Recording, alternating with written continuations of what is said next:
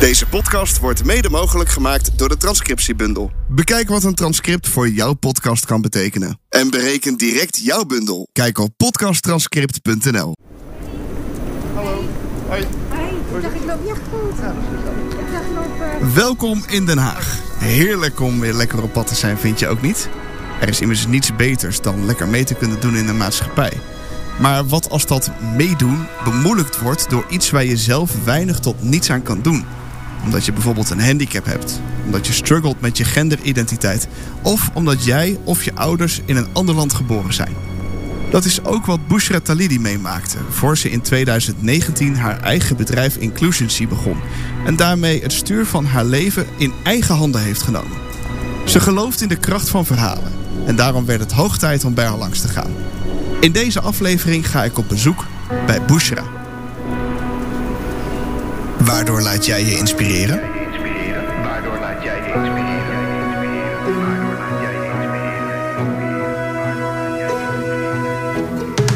Mijn naam is Ferry en als podcastmaker hou ik van inspirerende verhalen. In deze podcast praat ik met mensen die mij inspireren. In de hoop dat jij ook op nieuwe ideeën komt.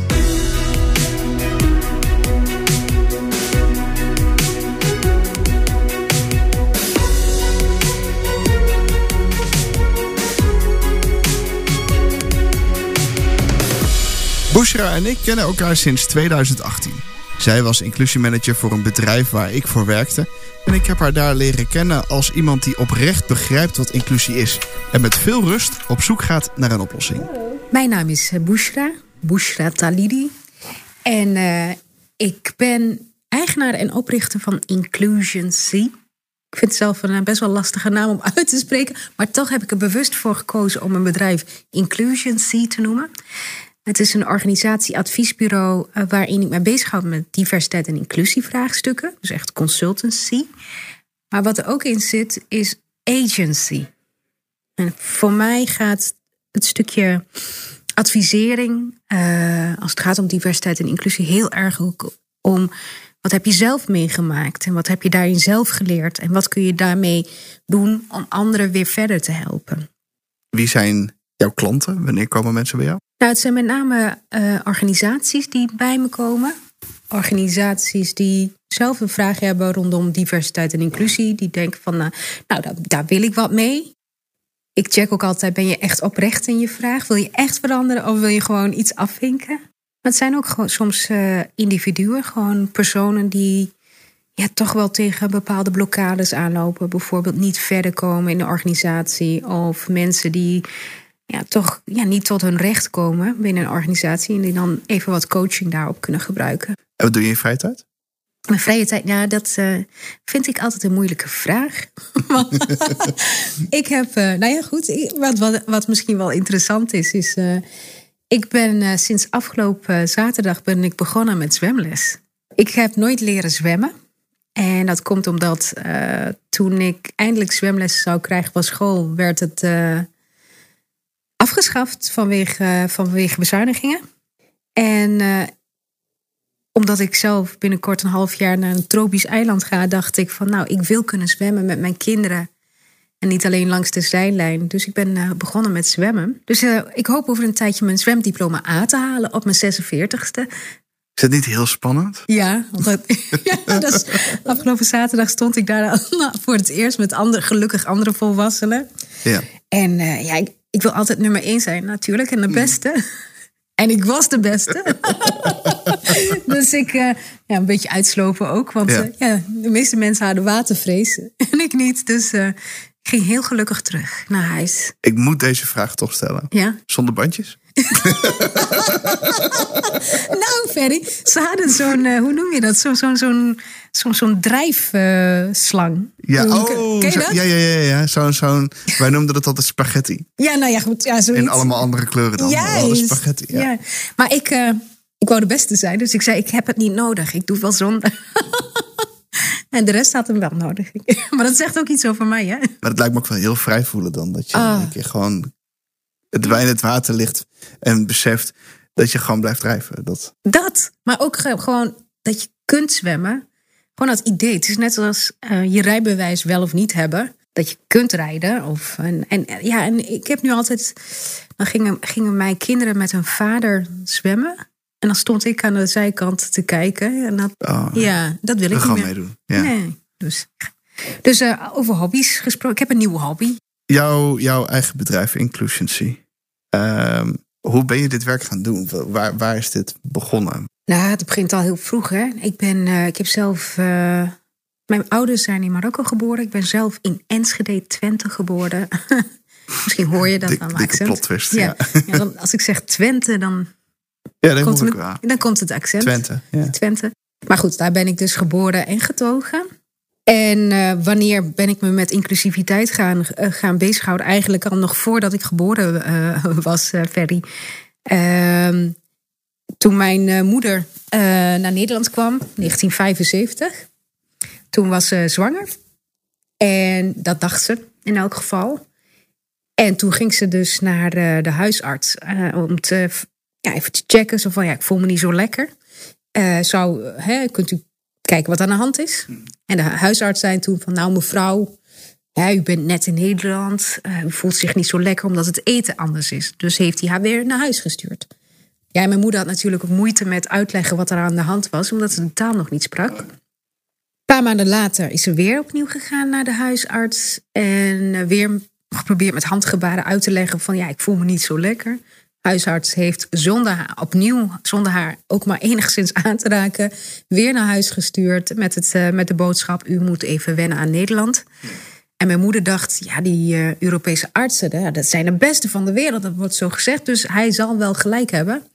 Dus ging weg. Een paar maanden later had ze, dacht ze nog, ja, dit klopt niet. Dit klopt niet. Dit is niet eh, oké. Maar dit keer had ze en mijn oma meegenomen. Oma Veldman is niet de echte oma. Dat is de oma die ons altijd hielp met ehm, ja, hoe wij bijvoorbeeld eh, Sinterklaas vieren in Nederland. Maar of carnaval Een soort tradities. surrogaat-oma. Ja, zoiets. zeg maar, ja. winterjasjes met mijn moeder ging kopen voor ons en zo. En ehm, nou, zij ging toen mee. En toen, eh, ja, toen, toen ging de arts wel controleren. En toen eh, kwam hij er dus achter van, ja, eh, mevrouw, u bent zwanger, zei hij toen. Oeps. Ja, ruim zes maanden. en eh, van mij. Ehm, en ehm, ja, dus wat, wat er toen gebeurde was dat. ehm, nou ja, mijn moeder die wou dit bericht heel graag horen. En Het, eh, het goede bericht. Ja. Ze heeft me ook zo genoemd. Hè? Bushra betekent het goede bericht. En jij vroeg mij waar is jouw diversiteitsverhaal begonnen? Dat is Ja. daar begonnen, want mijn moeder werd niet gehoord, letterlijk niet. En ik werd letterlijk niet gezien. Dus daar begon het al. En dat is ook een van de redenen eh, waarom ik, eh, nou ja, niet een reden, maar daar begon het. Maar ik heb dus rechten gestudeerd, omdat ik iedereen gewoon, ik vind dat iedereen het recht moet hebben om zichzelf te kunnen zijn. eh, om- om, gezien, gehoord en gewaardeerd te worden voor wie hij of zij is. Zijn allemaal waardevol. Dus ik heb rechten gestudeerd. Ik heb een tijdje als jurist gewerkt. En eh, nu alweer heel tijd terug, in 2006, heb ik, ben ik begonnen met diversiteit, inclusie en eh, maar ook integratiebeleid. Zo heette dat toen. Mm. Ehm, ik ben begonnen bij een ministerie van Justitie. En zo heb ik heel veel ministeries voorbij zien komen. En heel veel onderwerpen op dit vlak eh beetgepakt. Waar ik het meest trots op ben, is dat ik een ambassadeurswerkgroep had opgericht. Ik deed een oproep in, eh, zeg maar in het, eh, ja, het krantje van het ministerie. Van ja, ik, ik ben aangesteld als programmamanager diversiteit en inclusie. Dat betekent een cultuurverandering. Een cultuur verander je niet in je eentje. Wie wil me helpen? En zo kwamen er steeds meer mensen die zich aansloten bij die ambassadeursgroep. Uh, Ja. Uiteindelijk iets van 60 mensen. En samen hadden we een stem. En dat is hartstikke mooi, want dan word je ook gehoord, ook weer. Daar hebben we het telkens over van, word je gehoord met Ja. wat je te vertellen hebt. Ehm, en ik ben er heel trots op dat die werkgroep eh, die ik toen had opgericht, nu nog steeds bestaat. En dus dat is wel een van de dingen waar ik wel heel trots op ben. Ja. Ehm, en 2000, november 2019, vlak voor corona, ben ik voor mezelf gestart. Oké. En eh, dat was wel eh, een hele mooie ervaring. ehm, om iets te beginnen en dat helemaal uit te. eh, weet je, eigen te maken van jezelf. Ja, dat snap ik. Punt waar ik ook nog even door zou willen gaan is, ik heb rechten gestudeerd. Waar, waarom dan rechten? Ja, nou ja, kan ik, laat, ik, laat ik beginnen met. Ik wist ook, wist ik veel, dan doe je maar rechten. nou, maar ik, ik had wel het mooie beeld, romantische beeld van, uh, weet je, ons uh, wetboek, al, onze regels hier in uh, Nederland zijn gebaseerd op rechtvaardigheid. Mm. Um, en um, ja. ja maar, maar had, je, had, je, dan rechter willen worden of zo? Nee, nee, nee, verschil, nee. Ik moet zeggen, weet je, dat, dat is ook wel. Ik wist het ook niet zo goed, omdat ik. Kijk, mijn ouders hebben nooit gestudeerd. En niemand voor mij, geen enkele generatie voor mij heeft gestudeerd. En ik kende niemand die gestudeerd had. Dus ik volgde een beetje wat mijn klasgenootjes deden. En um, ja, ja, rechten studeren, advocaat worden. Ja, dat, is, dat klinkt in heel veel mensen hun oren. En ook in, de, in die Marokkaanse gemeenschap. Als ja, dan heb je het wel gemaakt. Dus ik ben ook een beetje daarop afgegaan. Niet wetende waar ik aan begon. Een beetje het imago van. Ja, misschien wel. Ja. En iets bekender dan, als ik zou zeggen, communicatiewetenschappen bijvoorbeeld. Dat, dat is, uh, weet je, dat, dat, ja, dat voelde verder weg. Dat kon ik minder uitleggen. Ik wist ook niet wat je ermee kon. Uh, ik had ook niet echt iemand die me daarin kon begeleiden. Van, nou ja, welke studie? Dus ik ben rechten gaan studeren. En uh, ja, en ik, oh, echt met het idee van ik ga mensen helpen. In hoeverre heeft want je vertelde net even over de zwangerschap van, van je moeder, dat zij niet gehoord en jij niet gezien werd. Uh, in hoeverre heeft je jeugd verder geholpen bij het maken van de keuze om iets te doen met diversiteit en inclusiviteit? Heel veel. Um, ik heb heel veel onrecht voorbij zien komen. Dus uh, ik heb gewoon gezien hoe mijn ouders gediscrimineerd worden. Mijn moeder en mijn tante liepen bijvoorbeeld. Het maakte een boswandeling. En dat wat jochies op hun afliepen en hun hoofddoek van hun hoofd trokken. Vieze Turk riepen. Ik ben heel vaak ook voor van alles en nog wat uitgemaakt. Eh, of ook uitgelachen. Kijk, mijn ouders hadden niet breed. En dan kreeg ik uh, bijvoorbeeld een heel oud fietsje. Om, want je moest een fiets hebben om op schoolreisje te kunnen. Dus ik kreeg een heel oud fietsje. En uh, dat iemand mij uitlachte daarom. En wat ik dan deed, mijn reflex toen als kind, was heel erg in de vechtstand. Ik heb ontzettend veel gevochten. Letterlijk of? Letterlijk. Met mensen die veel groter zijn dan, dan ik. ik. Ik ben niet groot. En, maar weet je, met alles in mij, mijn kracht in mij, heb ik sommige jongens echt op de grond gekregen. En ja, ik kon het niet verbaal, kon ik me niet uiten. En, ehm, en ik wou mijn ouders heel erg beschermen, dus ik vertelde dus ook niet wat er gebeurde. Dus er zat een woede, een energie, een kracht in me die ik niet, niet anders kon omzetten dan in slaan en ruzie maken. En zo, ja, dus ik, ik was zo'n zo'n meisje dat altijd tot laat in de avond buiten was. Ja, die dan, uh, ja, weet je, ja, gewoon het gevecht aanging. Maar wat erachter zat, is dat ik, dat ik zelf geaccepteerd wou worden en gewoon wou meedoen. En ik wou ook dat mijn ouders dat, dat hadden. En dat zij, weet je, ja, aan de ene je wou kant. iets rechtzetten of zo? Ik wou iets rechtzetten. Ik wou erbij horen, maar ik wist niet wel hoe ik dat. Hoe ik dat gewoon op een juiste manier kon doen. En dat kun je ook niet als je 8, 9 bent, weet je. Dat... Nee. Je kan het proberen, maar. Je kunt het proberen op je manier. Kijk, ik heb nu zelf een dochter van bijna negen. En alles wat zij aan privileges meekrijgt, dan denk ik wel zo, nou. Heb je dan wel door dat de wereld veranderd is? Ja. Ten ja. goede? Ja, nou, er zijn heel veel mensen nog die in die situatie zitten zoals ik toen. Maar ik heb wel, wat ik, de situatie is wel voor mezelf, voor mijn kinderen veranderd. Ik was uh, acht, groep vier zat ik toen. En uh, Mariska was jarig. Mariska was zo'n meisje met uh, twee blonde staartjes. Ze had één zus. En ik zelf zat, kom uit een gezin met zes kinderen. Dus liepen allemaal samen op een kamer en zo. Maar Mariska had een eigen kamer, allemaal spulletjes en uh, fantastisch. En uh, nou, dat, dat, vond ik heel erg leuk. Maar ik, ik, zat dus in die groep 4, werd niet vaak uitgenodigd voor een feestje. Maar zij nodigde mij wel voor haar verjaardag uit. En um, was op een zaterdag, en dat wist ik. Dus ik ging naar mijn moeder. Ik zei, mama, ik heb een feestje. Het is op zaterdag. Zei mijn moeder, is leuk. Nou, ga maar. Toen was het zaterdag. En eh, ik dacht van, nou, ergens in de middag. Ik zei, mama, volgens mij moet ik nu wel naar het feestje. toen zei moeder, ga maar. En toen ging ik al richting deur. En toen bedacht ik me, hé, hey, verrek, wacht eens even. Verjaardag, cadeau. Ja. Dus ik liep weer terug naar mijn moeder. Mama, moet, ik moet wel een cadeautje hebben. En toen keek mijn moeder om zich heen en ze zag een beertje waar ik al heel veel mee gespeeld had. Een roze, wat smoeselig beertje. Drukte me in mijn hand en zei: geef deze maar aan Mariska. Dus ik, eh, ik slenterde richting het huis van Mariska, beertje onder mijn arm. En ik dacht al: ja, dit is niet helemaal zoals het hoort. Dus ik had het wel door. Belde aan, deur ging open. Feestje was al lang begonnen. Oud-Hollandse spelletjes, weet je, eh, koekhappen enzovoort. Ik kwam binnen, gaf het cadeautje. En al die kinderen me uitlachen en zeggen: eeuw.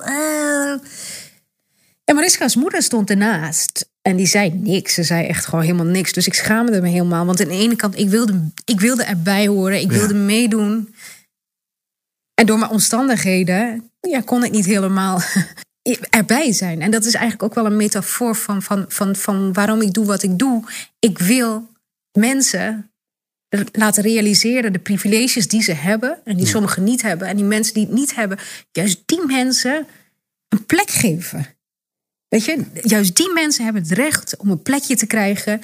En, en, en, en, en een moeder zoals die van Mariska, die naast hun staat, en dat staat voor mij symbool voor een organisatie, die zegt van ja, weet je, kom maar. Nee, je lacht niet die uit. Doe je gewoon niet. Nee. Dat doe je niet. En, en kijk naar wat ze allemaal wel meebrengt. Weet je, dat ik ja, toch iets meebracht. Allemaal zelf, uit mezelf. Als kind. Eh, dus daarom, dat is ook een beetje de achtergrond van waarom ik doe wat ik doe. Heb je het daar later ooit met Mariska over gehad of zo? Of Ik heb geen dat? contact meer met haar. En eh, nou, weet je wat wel grappig is? De, al die groep acht kinderen waar ik uit we gingen uit, uit elkaar allemaal, al die kinderen. En ehm, de meeste van die kinderen die werken nu bij de kruidvat en zo. En daar is daar helemaal niks mis mee. Maar dan denk ik wel soms, ja, zou ik door alles wat ik heb meegemaakt en eh, juist zo'n carrière zijn, weet je, de, de stappen heb kunnen zetten die ik heb willen zetten. Ehm, ehm, dus ik ben, ik ben wel, als ik heel eerlijk ben, ik ben heel trots op waar ik nu sta. Als je ziet waar ik vandaan kom. Het komt nu op me over alsof je vanaf moment één zeg maar op de weg naar diversiteit en inclusie bent ingeslagen. Heb je ooit over iets anders gedroomd? Nou, het grappig. ik, ik kan me nog herinneren dat ik in groep 8 zat. En toen zei ik al, ik wil maatschappelijk werker worden. dus dat zat het ook al heel erg in het helpen. Ik wist niet precies wat maatschappelijk werken was. Maar ik wist wel van je helpt dan iemand. En dus dat zit al, eigenlijk zit het al heel vroeg eh, al in me. Ik heb ook nog gedacht aan eh, journalistiek. Journalistiek. Kijk, ik kan het niet eens uitspreken. Dus het is maar goed dat ik het niet geworden ben. Maar eh, verhalen vertellen vind ik ook echt... ik geloof in de kracht van het verhaal. En dat je daarmee iets ja, beter kunt overbrengen bij de ander. Herkenning. Deze podcast wordt mede mogelijk gemaakt door de Transcriptiebundel. Ik had toch oortjes in mijn tas gestopt? Waar zijn die dingen? Daarom heeft deze podcast een transcript. In dit transcript staat wie wat gezegd heeft, maar ook worden essentiële geluiden en emoties benoemd. Hierdoor is dit gesprek ook te volgen als je doof of slechthorend bent of gewoon even niet kunt luisteren. Bovendien is je podcast volledig doorzoekbaar door Google, waardoor je sneller gevonden wordt door nieuwe luisteraars en klanten. Ontdek wat een transcript voor jouw podcast kan betekenen. En bereken direct jouw bundel op podcasttranscript.nl. Dat is podcasttranscript.nl. Dit is een samenwerking tussen Marit Postma van Woordprikkels en mij, Ferry Molenaar, de podcast creator. Waar waren we gebleven? Waardoor laat jij je inspireren? Jij je inspireren? Voor mij komt inspiratie vanuit verschillende manieren binnen. Iedereen kan je inspireren, dat geloof ik echt. Maar als je me vraagt van... Als ik even niet zie zitten of ik heb het zo druk... dan zet ik Oprah Winfrey op. Dan luister ik naar een podcast van, van haar... En, of van die mooie inspirerende speeches. En waarom ik dat doe is... Ja, zij, zij is voor mij een soort van ehm, moederachtig type... die lekker op afstand zit... maar wel de, het juiste adviseert... met alles wat ze heeft meegemaakt. Dus als je kijkt naar haar jeugd en wat ze allemaal heeft meegemaakt... van verkrachting, armoede, hè, een, een zwarte huidskleur en discriminatie... naar waar ze nu staat. En met nu staat bedoel ik dat ze ondanks alles wat ze heeft meegemaakt, zo nog met liefde naar mensen kan kijken. Ehm, zo in haar kracht staat. Eh, dat, dat vind ik zo mooi en zo inspirerend. You must have some kind of vision for your life. Even if you don't know the plan, you have to have a direction in which you choose to go. I never was the kind of woman who liked to get in a car and just go for a ride. What I've learned is that's a great metaphor for life. You want to be in the driver's seat of your own life because if you're not, life will drive you. Dus dat, dat vind ik, ja, als je me vraagt wie inspireert je, het is altijd Oprah met haar zachte, zware stem. en dan, als een soort van mantra luister ik daarna op de fiets. En uh, Ga je dan ook langzamer rijden? nou, ja, Of juist sneller? nou, ik ga wel langzamer. Ja, oké. Ja, dan ga ik wel, ja, dan ga ik langzamer en dan eh ademhaling gaat wat lager. En ja, ik vind dat heel, ja, vind ik echt eh, heel erg mooi. Dat, eh, en ook die verbinding, hè, waar ze altijd op zit. Ik kom in veel organisaties, hè. En, ehm, en dan soms dan, dan, dan wil je iets do- doorbreken om het inclusiever te maken. En soms is het gewoon iets simpels. Hè? Bijvoorbeeld gewoon de drukknopjes in een lift, dat je daar zo wat, wat braille hè, op zet. En dan zou je gewoon denken van ja, dat doe je gewoon. Weet je, het is belangrijk, dat doe je gewoon. Maar alles wat er omheen weet je, bijkomt, al die rompslomp. En eh, nou, verder je weet van deze drukknopjes en de braille in een lift, hoe dat is. Maar je zou denken, dat doe je. Of het toegankelijk maken van, van, van een gebouw. Waarom ingewikkeld? Maar wij hebben het met z'n allen heel erg ingewikkeld gemaakt. Maar ja, dan komt het dus op aan ook van... wat doe ik zelf? Als je in een situatie zit waarin de organisatie niet beweegt... wat kan ik doen? Zit jij in de driver's seat van jouw leven? Ja, ik zat niet, maar nu wel. Ik heb, ja, Hoe uitzicht dat? ja hoe uitzicht dat? Ehm, nou, misschien dan ook nog met een, met een verhaal over mijn leven. Dat is, eh, ik heb heel lang in loondienst gewerkt. Ehm, en ik heb ehm, heel hard gewerkt. Weet je? Ook echt om gezien te worden en waardering te krijgen. Weet je? Dus heel hard werken, nachten, alles tot in de puntjes proberen te doen. Want ik weet ook, hè, juist om, vanwege Marokkaanse afkomst, wordt er du- dubbel naar, je- gekeken. Hoe je praat, hoe je iets schrijft, of je taalfouten maakt. Eh, als vrouw, ik, ik zei het al, ik ben niet zo groot. Je hebt toch, je hebt toch iets meer te bewijzen. En ik heb in loondienst altijd heel hard gewerkt voor, voor werkgevers. En ook bij het ministerie eh, van Sociaal, Sociale Zaken. Dat was mijn laatste werkgever. En op een gegeven moment had ik door... hey, ondanks wat ik doe... ik zie dat ik gewoon niet verder kom... als ik mezelf vergelijk met anderen. En toen dacht ik, hé, hey, dat is gek... want ik word wel bewust beloond hè, voor mijn prestaties... Ik heb wel de, het klasje gevolgd, hè, waarmee je dus echt eh, ja, een leidinggevende kunt worden, maar ik kom er niet. En op een gegeven moment toen eh, heb ik gewoon gezegd van, ik, ik ga hier niet, ik, ga, ik laat me niet meer, ik, ik wil niet meer dat anderen bepalen of ik promotie maak, of dat anderen zeggen of ik iets goed of fout doe.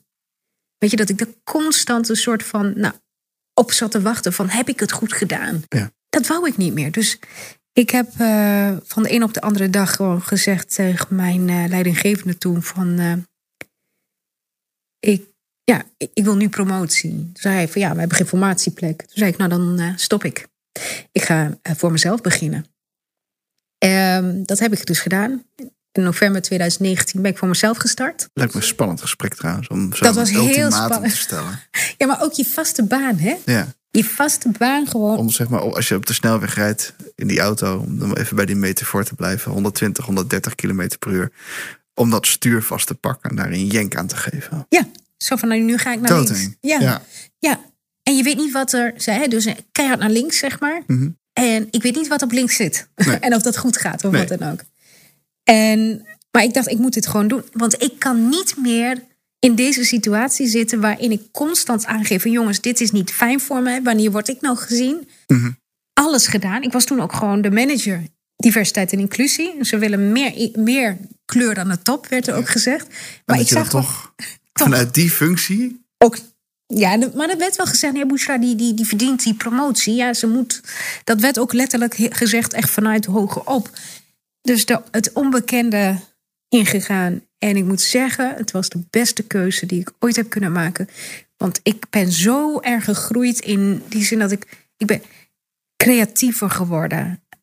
Doordat ik nog meer dichter bij mezelf ben eh, gekomen met waar ligt mijn talent? Wat wil ik de wereld brengen?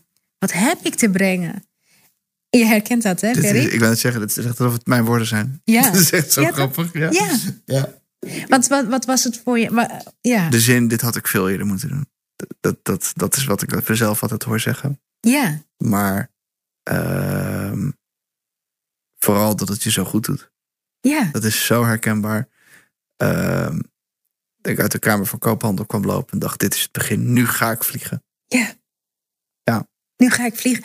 Ja, ik, ik bepaal voor mezelf. Ik heb die stuur nu in mijn handen. Ja. En ik rijd daar naartoe waar ik naartoe wil rijden. Ehm, en alles wat op mijn pad komt, ja, misschien komt er iemand van, van rechts die ik niet aan zie komen. Ja, maar dan heb ik ervoor gekozen, weet je? Dat- Ik wou net, net gevraagd, hoe lang heb je off-road over heuvels gebotst? Ja, nou ja, ik heb wel geluk gehad. Het ging goed. Ik heb, ik heb geluk gehad, dus dat realiseer, me, re- realiseer ik me ook. Heel veel kansen gehad en ik word heel vaak teruggevraagd. En, ehm, nou, maar dat, dat geeft je ook een boost, dat je denkt: van, zie, ik kan het wel. Ik heb niet eh, een baas nodig om mij te vertellen dat ik het goed doe. Ik, ik doe gewoon mijn ding en ik, ik werk heel hard. En dat vind ik gewoon belangrijk, omdat ik het onderwerp belangrijk vind. En dat het gewaardeerd wordt, dat is fijn. En tuurlijk, soms dan rij je off-road, omdat je dan en als ik offroad eh, rijd, dan is dat omdat ik iets doe wat niet dicht bij mijn hart ligt. Hoe kijk je naar de toekomst? De toekomst. Kijk je überhaupt naar de toekomst? Ja, als ik kijk naar de toekomst, eh, niet zo heel. Ik, ik probeer wel heel erg te genieten van nu en wat we nu hebben. Maar dan gaat het echt om mijn gezin en mijn kinderen. Want dat is mijn nummer één natuurlijk. Mijn twee dochters. Mhm. Nou, mijn dochters zijn eh, half Marokkaan. Nee, nee, ze zijn niet half. Ze zijn dubbel. ze zijn Marokkaans en Nederlands. Wa- waarom niet half-half? Omdat ze heel zijn. Ze hebben allebei. Ik vind eh, half vind ik zo negatief klinken. Mooi. Want ze zijn, ze zijn allebei. Ze zijn en Nederlander en Marokkaan. En dat maakt ze echt speciaal. Ehm, maar dan kijk ik daar naartoe. En dan hoop ik, ik... ik- Weet je... Voor mij is de toekomst... Is, klinkt gek, maar nou, misschien ook niet. Gewoon rust. Eh, rust hebben in... In wat ik doe. Rust hebben in dat mijn kinderen gelukkig zijn. Rust hebben in wat ik over kan dragen naar volgende generaties. Ja. Dat. Mooi. Je begint ook meteen heel rustig te praten. Dat vind ik dan. Ik, ik werk altijd in, eh, tijdens mijn workshops. Dan laat ik een eh, slak zien. Een afbeelding van een slak. Dan zeg ik van eh, vertraag. Want ja, vertragen. Vertragen is toch wel, ik denk, Er langer van genieten. lange vraag. Weet je wat het ook is? Als je vertraagt, dan gaat je reptiele brein niet aan de slag, maar dan ga je zelf. Dan, dan kom jij, weet je, dan kom jij tot je recht. En niet die automatische piloot die alles snel doet enzovoort. Dus dat is wel, eh, ja, het vertragen en, en genieten van het nu. Ehm, wil je nog iets toevoegen of wil je nog iets aan mij vragen? Nou, Ferdy, ik vind dit eh, echt een heel leuk gesprek. Hè? Maar ik ben, wel, ik, vind ik ben wel gewoon benieuwd van. eh, wat, wat, want dan, jij bent dan heel stil, maar dan ben ik wel benieuwd. Want wat ik in ons heel leuk vind, is dat wij heel veel gemeen hebben met elkaar. Ondanks dat we heel verschillend uitzien. Ja. En dat komt omdat we allebei toch wel uit een. Ja, vaak als je kijkt naar. Wij, wij horen niet tot een meerderheidsgroep. Hè? Ehm, en toch doe je de dingen anders dan ik. Want, en dan ben ik benieuwd, hoe luister je hier nou naar, zo'n gesprek? Ehm, vind ik een hele goede vraag. Ehm, met ontzettend veel interesse, omdat ik heel veel parallellen merk. Ehm, we hebben op bepaalde punten dezelfde keuzes gemaakt. Met andere motieven, maar wel dezelfde keuzes. Ehm, Maar ik heb wel het gevoel dat jouw, ja, ik ga het wel worsteling noemen, dieper en langer is geweest of zo. En dat het, dat het iets is. Kijk, ik, ik heb zoiets als iemand. Ik probeer altijd te kijken naar wat iemand wel kan en wat iemand toevoegt. In plaats van eh, andersom. Want andersom vind ik heel denigrerend. Dus ik vind het heel moeilijk om me te verplaatsen in de mensen die om jou heen stonden. Eh, die arts die jouw moeder controleerde. Eh, en ik wil dat heel graag. Maar ik kan het gewoon niet. Ja. Ik kan me gewoon niet. Ik denk, waarom laat je iemand staan die, die zwanger is en. Ja, vind ik bijzonder. Ik kan daar niet bij. Ja. Het is vooral verbazing, denk ik. Als ik naar dit luister. Ja. ja, dat is ook een stukje van het leven. Maar wel mooi dat je het vertelt, want dat maakt bij mij ook wel weer dat ik vind de vergelijking met de auto heel interessant. En ik ben een beelddenker, dus ik zie mezelf dan meteen onmiddellijk off-road. Van een brug afvliegen. Omdat ik denk, nou ga ik het zelf doen. Ja, nee, ja. dat is ook weer niet de bedoeling, hè? Dat je... Ja, zolang je maar goed terecht komt. Ja, precies. Dat, eh, eh, en misschien leer je ervan dat je auto niet kan vliegen. Maar dat, eh, Ja. maar dat, dat vind ik, ik vind, ik vind, de, para- ja, ik vind de vergelijking, de metafoor, vind ik heel mooi. Eh, ik hou van metaforen, dus dat vind ik. eh, en hij is dan misschien niet van jou, maar wel van iemand die jou inspireert. Dus dat maakt dat ik het leuk vind om daarover door te kletsen. Ja. Mooi. Eh dankjewel voor dit mooie gesprek. Jo, dankjewel, Ferry. Wil je na het horen van dit verhaal ook aan de slag met diversiteit en inclusiviteit? Lees dan mijn verhaal over Bushra op ferrybezoekt.nl slash Bushra. Daar staan ook de links naar haar LinkedIn-profiel en de website van haar bedrijf Inclusioncy. Ik ben benieuwd wat je van dit verhaal vond, dus stuur gerust een berichtje. Ik vind het leuk om van je te horen. Vergeet ook niet deze podcast te beoordelen in je favoriete podcast-app, zoals Spotify of Apple Podcast. Tot de volgende keer.